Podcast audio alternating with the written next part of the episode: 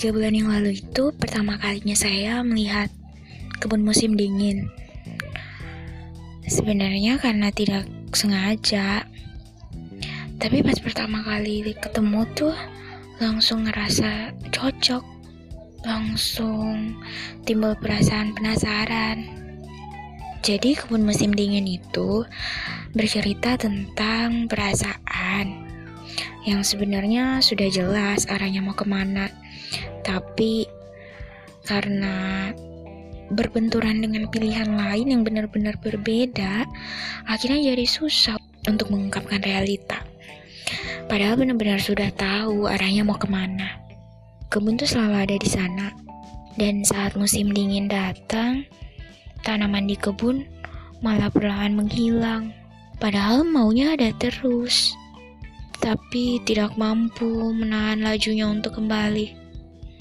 Musim dingin selalu sedih karena merasa tidak diberi perhatian. Kesedihannya makin dalam saat dia tahu bahwa ternyata si kebun tampak lebih menawan saat datang musim semi dan musim panas. Hmm, kebayang dong ya perasaannya si musim dingin. Kalian juga mungkin pernah merasa seperti itu. Pas saatnya datang, malah dicuekin. Parahnya, karena ternyata malah lebih kasih semangat ke yang lain. Si kebun jahat gak sih menurut kalian? Sekian lama musim dingin menerka sambil terus berharap. Walau sekeliling sering sekali bilang, seperti sangat sulit jika harus berharap bersama. Apakah itu mungkin? Mungkin saja jika ada rekayasa. Mungkin juga, tapi di akhir tahun ini bukan rekayasa. Untuk pertama kalinya, si kebun menembus batas pertahanannya atas perasaannya sendiri. Dan terungkaplah ternyata dia juga. Iya, sebenarnya dia juga. Tapi ada hal lain yang telah menjadi keinginannya sejak kecil yang benar-benar membatasi hal itu. Tapi ini bukan rekayasa. Dia mulai menyalakan alarm untuk memberi perhatian ke musim dingin. Lega rasanya, walaupun sedikit haru menyaksikan perjuangan musim dingin yang sejak awal berjuang habis-habisan untuk si kebun. Sejak pertama kali melihat, lega sekali. Walaupun harus menunggu tahun depan untuk tahu lebih jelas lagi. Bagaimana ya kelanjutan kisah ini? Kalian bingung ya, saya sedang cerita apa? Saya sedang cerita tentang kebun musim dingin.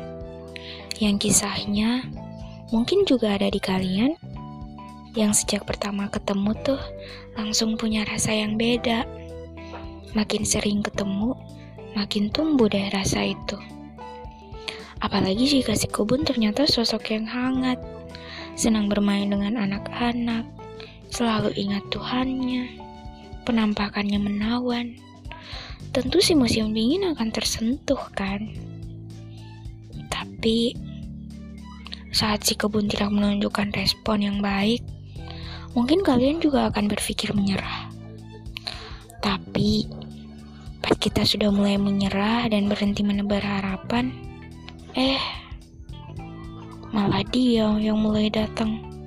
Kalian pernah kayak gitu mungkin ya? Manusia tuh kadang gitu. Pasti kasih perhatian, seperti tidak mengharap. Pas dicuekin, eh, malah nyari-nyari perhatian. Kalian juga mungkin pernah memendam perasaan yang sangat lama karena mungkin ada hal lain yang membatasi perasaan itu.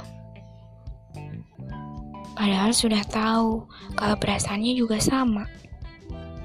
Dan akhirnya setelah sekian lama, nemu juga waktu yang tepat untuk mengungkap kebenaran. Seru ya, si kebun musim dingin. Sedih juga rasanya harus bisa pas lagi rindu-rindunya. Dan harus rela nunggu sampai tahun depan. Kalian makin bingung ya? Hmm, biar bisa lebih ngerti ini, nonton hospital playlist deh.